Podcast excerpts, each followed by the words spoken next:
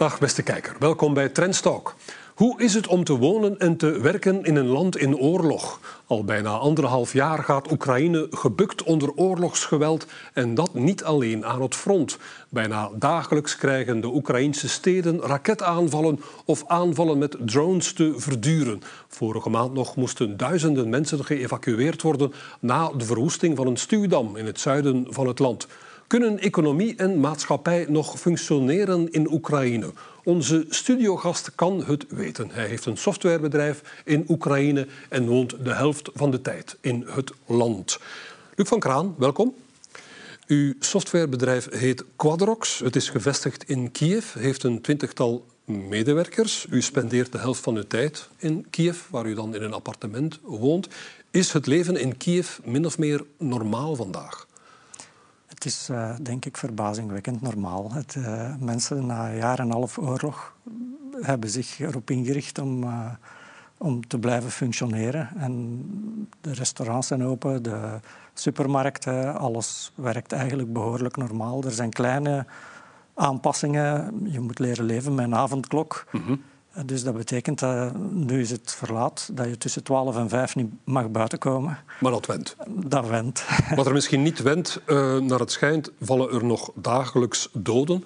Maar die halen niet allemaal het nieuws mee. Nee, dat haalt uh, het nieuws als het belangrijk aantal is. Of uh, ja. spectaculair iets, maar gewone kleine aantallen die halen inderdaad het nieuws niet meer. Waar je minder over hoort, en vroeger wel, waren de stroomonderbrekingen. Zijn die nog? Uh, die zijn er eigenlijk niet meer. En uh, ja, dat is eigenlijk wat de winter hard gemaakt heeft. Omdat het is heel snel donker in Oekraïne. Ja. En, en uh, dan waren er zeer veel stroomonderbrekingen. Maar ook daar hebben de bedrijven zich vrij snel aangepast. En de burgers hebben geleerd van uh, als er dan stroom was tussen vier en vijf s morgens, dan ging iedereen zijn was doen en zijn. Uh, ja. Dus, uh, Werkte de nodige flexibiliteit. Uiteindelijk kan je, kan je blijkbaar als mens aan heel veel dingen aanpassen. Internetverbinding die is altijd intact gebleven. Die, zijn er, die is altijd intact gebleven. En uiteindelijk zelfs de bekabelde internetverbindingen in de zones waar er stevig gevochten werd, daar was het uh, satellietsysteem van Elon Musk, Starlink, Starlink. heel belangrijk, omdat hij dat gratis aangeboden heeft toen. En, uh, dat heeft ja, veel geholpen. U rijdt regelmatig uh, met een bestelwagen ja. vol met hulpgoederen naar Oekraïne. Pour la petite histoire, het is een bestelwagen blijkbaar van, de, van het bedrijf Materialize. Ja. Want uw broer Wilfried van Kraan is medeoprichter en CEO van Materialize. Materialize Welke um, hulpgoederen heeft Oekraïne nu het meest nodig? Uh, in mijn bestelwagen voer ik vooral medische spullen, omdat ja, een bestelwagen leent zich nu niet echt tot grote spullen. Maar uh, uiteindelijk is er behoefte voor bijna alles, omdat er verschrikkelijk veel kapotgeschoten. Heel veel mensen hebben letterlijk alles verloren. Ja. Dus ja, als, als die mensen dan uh, een echt mes krijgen in plaats van een plastieke mes, dan zijn ze al blij.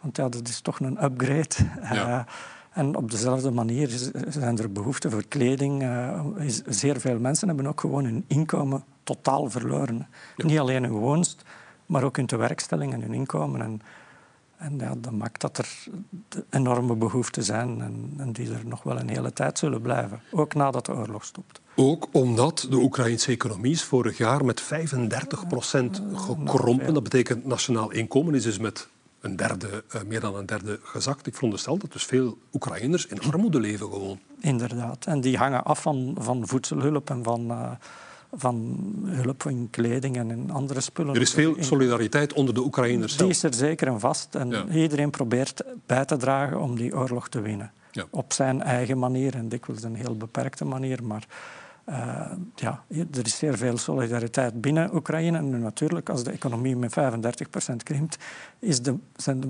mogelijkheden tot solidariteit ook al voor veel mensen beperkter. Ja.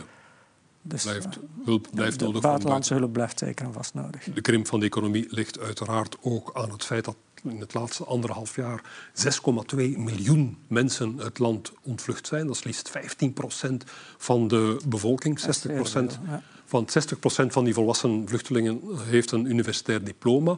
We kunnen eigenlijk zeggen, in Oekraïne uh, is een brain drain aan de gang. En ook dat weegt op de economie. Dat weegt zwaar op de economie. En vanuit de Oekraïnse overheid wordt er hard gepleit op dat die mensen zouden terugkomen. Ja. Vergeet ook niet dat zeer veel van die vluchtelingen zijn vrouwen en kinderen. Terwijl die mannen nog in het land zitten. Dus na een jaar en een half begint dat ook zeer zwaar te wegen. Ja. Dus uh, er is uh, concrete vragen van, van de Oekraïnse overheid, ook aan onze overheid, om die mensen zo snel mogelijk terug te laten komen. Er zijn veilige gebieden in Oekraïne, Ivano-Frankivsk, de Karpaten, daar, daar zijn eigenlijk nog nooit raketten gevallen. En ja, dus Oekraïne heeft ze ook gewoon nodig. Dus het is zeker geen vraag van, van Oekraïne om, om mensen hier uh, duur op te leiden en, en, uh, ja. en ze hier te houden. Ze zijn meer Daar nodig. eerder bang voor. Ze zijn meer nodig in Oekraïne. Nu, veel, veel Oekraïners vechten aan het front. Ook dat weegt op de productie uiteraard. Mannen op arbeidsleeftijd, u hebt het al even aangehaald, mogen het land niet uit. Ik veronderstel dat ze zich moeten klaarhouden voor mobilisatie door het leger. Worden Oekraïnse bedrijfsleiders zoals u nu geconfronteerd regelmatig met medewerkers die plots naar het leger moeten? Er zijn beschermde sectoren en dus uh, de landbouw en uh, de software uh, is een beschermde sector omdat die veel buitenlandse valuta binnenbrengen. Ja, en die worden, daar wordt niet gemobiliseerd? Daar wordt normaal gezien niet gemobiliseerd. Mm -hmm.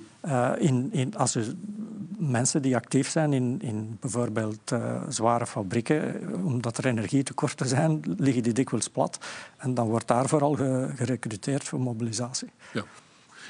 De laatste maanden echter is het economisch vertrouwen in Oekraïne teruggekeerd. Er zijn daar indicatoren voor. Er wordt zelfs gezegd, schattingen zeggen zelfs, de economie zal dit, dit jaar groeien met 4,5 procent. Van waar komt die economische groei nu opeens?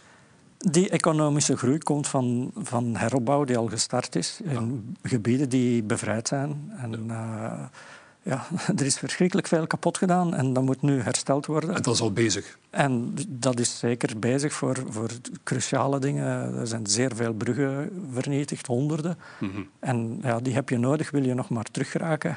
Ja. Dus ja, daar... Uh, het is ook zo waarschijnlijk al, dat... Uh, er zijn er eigenlijk al tekorten, arbeidstekorten. Ah, zo.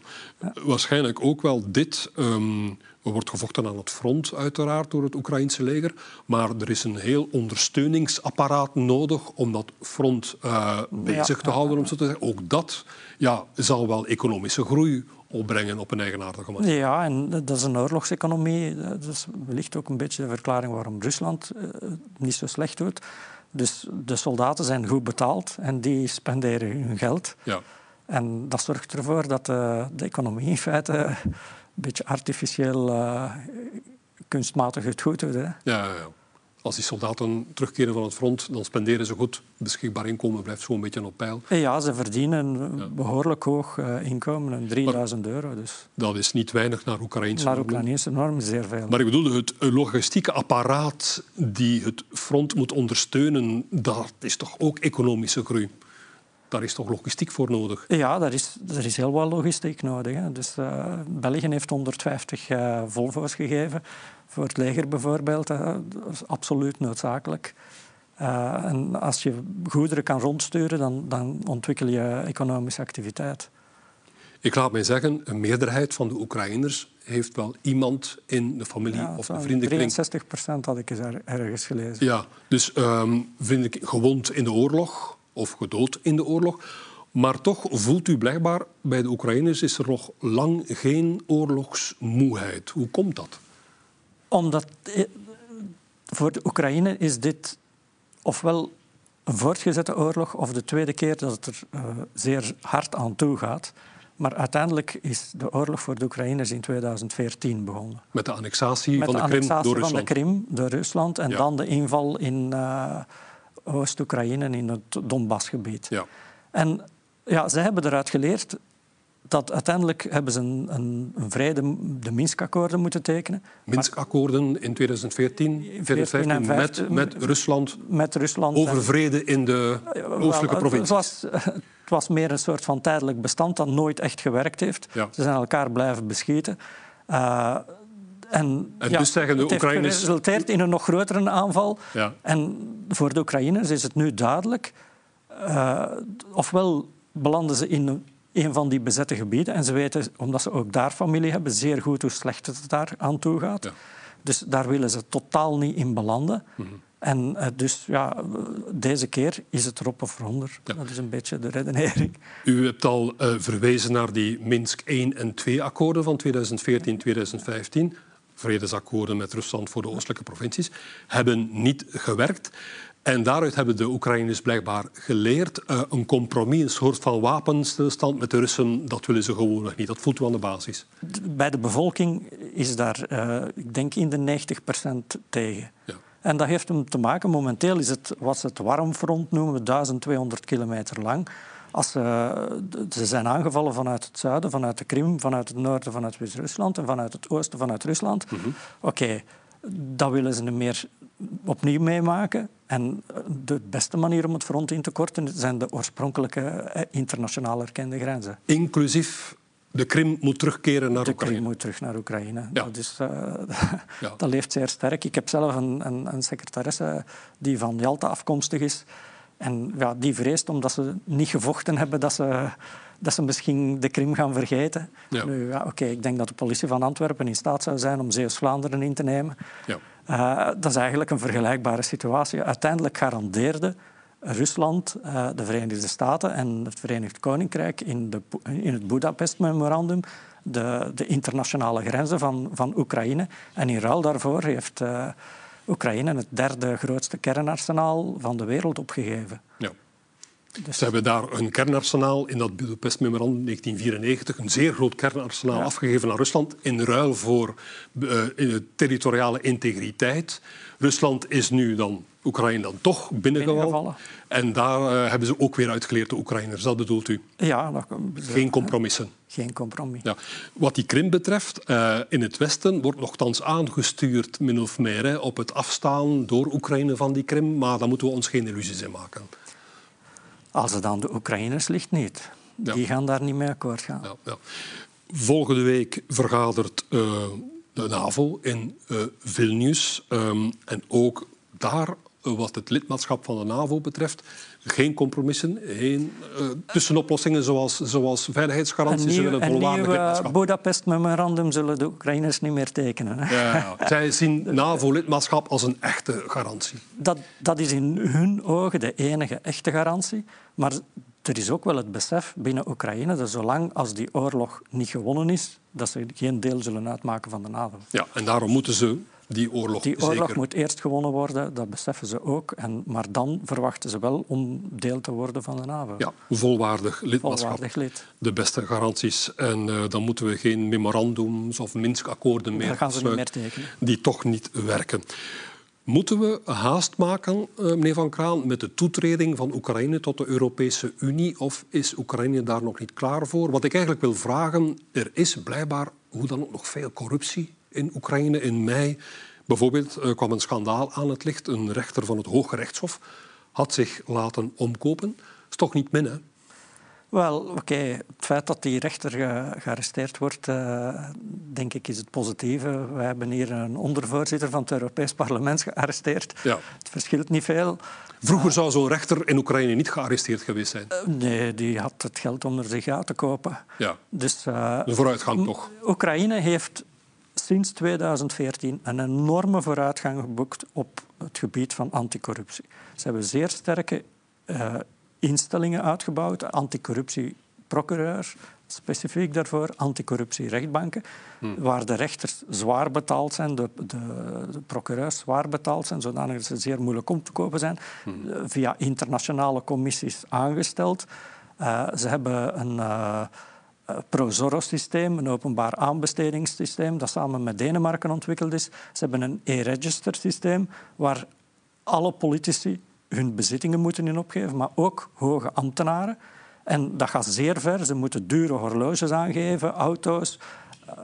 Dus als iemand plots onverklaarbare rijkdom heeft, dan kan die anticorruptieprocureur daar direct achteraan gaan. Ja, dat ProZorro-systeem, u vermeldt het daar, dat is dus een, een digitaal platform inderdaad voor openbare aanbestedingen. Dat is blijkbaar zeer transparant. Er kan daar niet gefoefeld worden. Hè?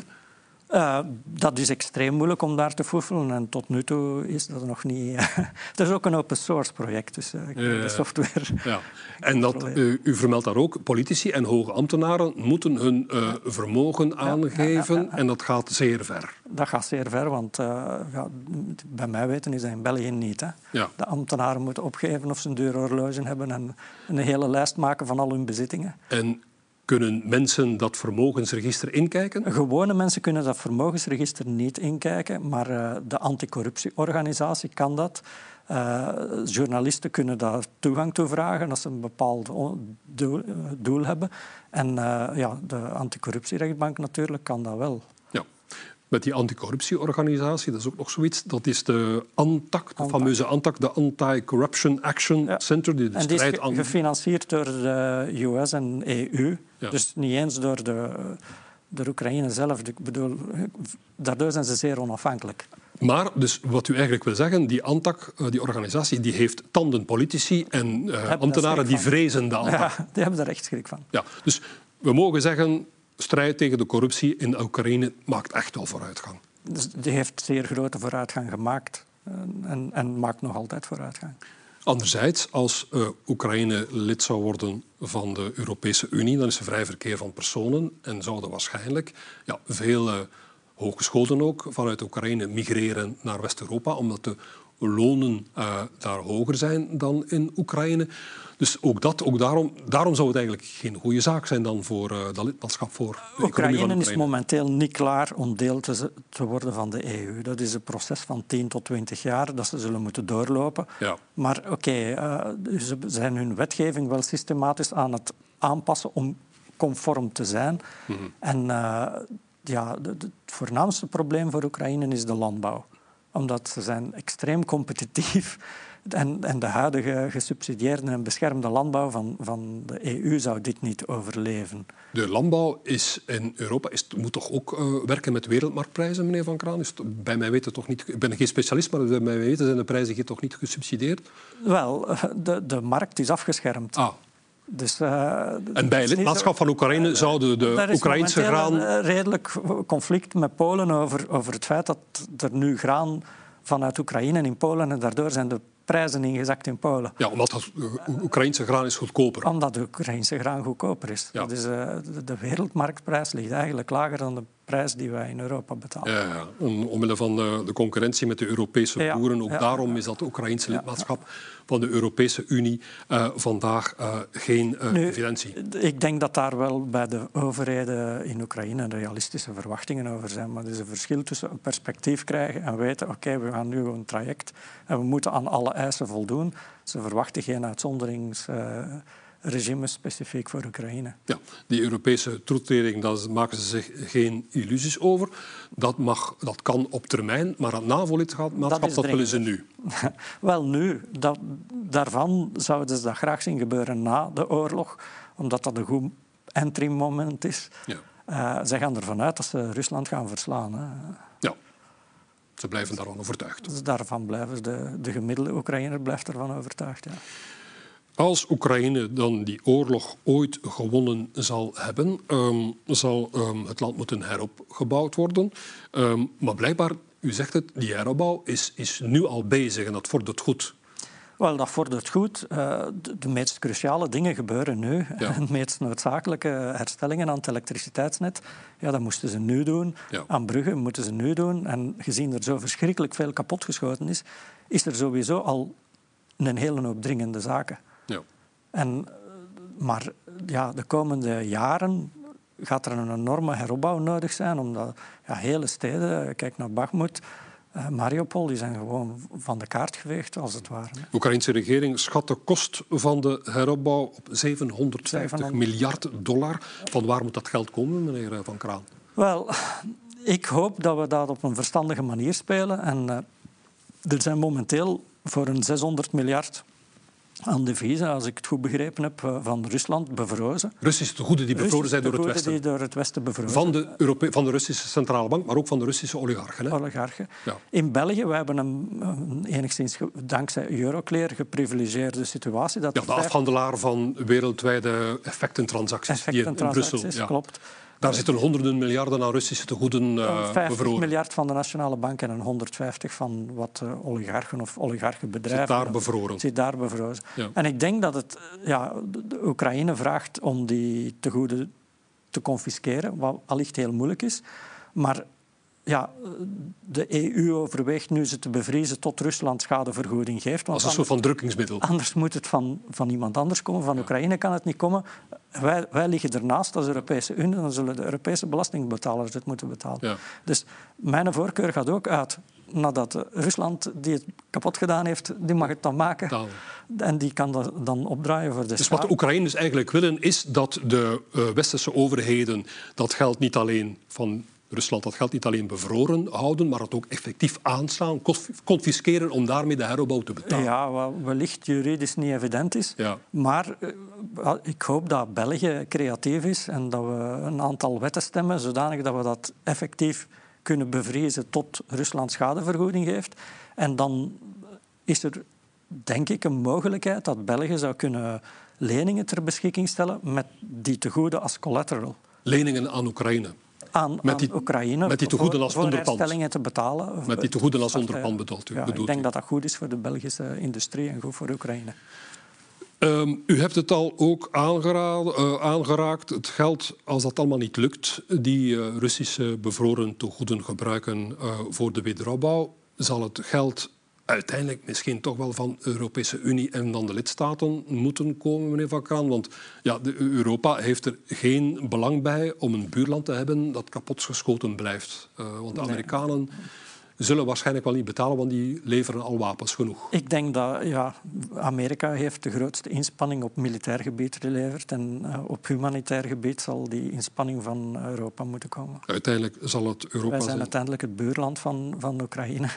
Ja. En uh, we hebben er geen belang bij dat het daar een instabiele boel wordt. Ja, en daarom zullen wij uiteindelijk moeten uh, betalen. Zijn er nu al buitenlandse bedrijven ehm, meneer Van Kraan, eh, die actief zijn in Oekraïne of durven ze nog niet? Of die investeren bedoel ik? Ja, het is heel, heel voorzichtig. En helaas ook vooral bij de Belgen. We zijn zeer voorzichtige investeerders. Maar aan de andere kant, uh, daar moet gigantisch veel heropgebouwd worden. Er is een enorme behoefte aan glas. Want er zijn gigantisch veel ruiten kapot gegaan. Ja. Uh, er, er, moeten enorm veel gebouwen heropgebouwd worden, wegen, infrastructuur. En er zijn bepaalde sectoren die dankzij de oorlog, ik denk dan aan drones, als een, als een bedrijf actief is in de dronemarkt, ja, dan moeten vandaag in Oekraïne zitten. Ja. Er zijn 50 bedrijfjes bezig met het ontwikkelen van drones. Dat is natuurlijk vooral gericht naar militaire inspanning, maar na, na die oorlog gaan die zich gaan richten op landbouw en andere dingen waar, waar die drones evenzeer bruikbaar zijn. Dus er is nu al potentieel, veel potentieel voor westerse bedrijven om in Oekraïne te beginnen. Ja, en, en Oekraïne is een hooggeschoold land. Het is een, een, een, potentieel, een technologisch potentieel heeft het land. Daarnaast zijn er eh, in Oekraïne gewoon ook heel veel grondstoffen. Er is een groot toeristisch potentieel. Dus uiteindelijk heeft, heeft Oekraïne heel wat troeven. Het is groter dan Frankrijk. Dus ja. Er is veel potentieel voor economische ontwikkeling. U spreekt daarover grondstoffen. Ik dacht dat uh, Oekraïne vooral het land was van uh, landbouwgrondstoffen, granen. Maar blijkbaar zijn zijn er ook andere grondstoffen? Ja, uranium uh, voor kerncentrales kan je uit Oekraïne halen. Ja, er is klei, er is kalk, er is olie, gas. uiteindelijk is er zeer veel. En heel veel is dikwijls nog niet ontgonnen geweest. Ja. Er zijn toch nog altijd moeilijkheden, uh, uh, meneer Van Kraan. Ik denk nu aan, er zijn enkele Vlamingen actief in de landbouw uh, in Oekraïne. Zijn daar boeren, hebben daar duizenden hectaren. Maar die graanexport, ehm, ja, daar loopt het toch heel moeilijk mee, want er zijn problemen met het transport. Hè? Ja, zolang als de havens afgesloten zijn, is het eigenlijk technisch niet mogelijk om al het graan uit Oekraïne te halen. Het resultaat is dat de graanprijs binnen Oekraïne nog veel lager is. Door het overaanbod? Door het overaanbod. En, en dat, dat maakt dat het voor, voor landbouwers momenteel niet makkelijk is. Als je met, met veel graan zit, ja, krijg je het eigenlijk niet verkocht. Ja ondernemen in Oekraïne is dus niet eh, eh, evident. Wat misschien ook wel niet evident is, uh, meneer Van Kraan, ik kan als ondernemer actief worden in Oekraïne, maar zal ik betaald worden? Als, het hangt van uw sector natuurlijk af. Als u in de IT-sector zit, dan, dan betalen de buitenlandse klanten u normaal gezien. Als je in eh, de landbouw zit, eh, de meeste landbouw is gericht op export. Heel veel industrie is gericht op export. Dus daar stelt in principe, als er transportmogelijkheden zijn, het probleem zich niet. Wat de Oekraïnse overheid betreft, ja, daar hoop ik dat we inderdaad naar een soort van herstelfonds gaan dat gefinancierd wordt met, met gelden van, van, van de Russische overheid en, en van de Russische oligarchen. Wie het potje gebroken heeft, die mag het potje betalen, wat mij betreft. Ja, dus, um, En op die moment, uh, als, als België bijvoorbeeld leningen ter beschikking stelt, met als collateral uh, uh, bevrozen Russische fondsen, dan, dan is er eigenlijk geen probleem voor Belgische industrie om, om betaald te worden. U bedoelt, uh, België zou de miljarden, de miljarden die bevroren staan bij uh, Euroclear kunnen gebruiken als onderpand voor leningen aan Oekraïne. Ja, dat zou kunnen gebeuren. ik um, ben geen jurist.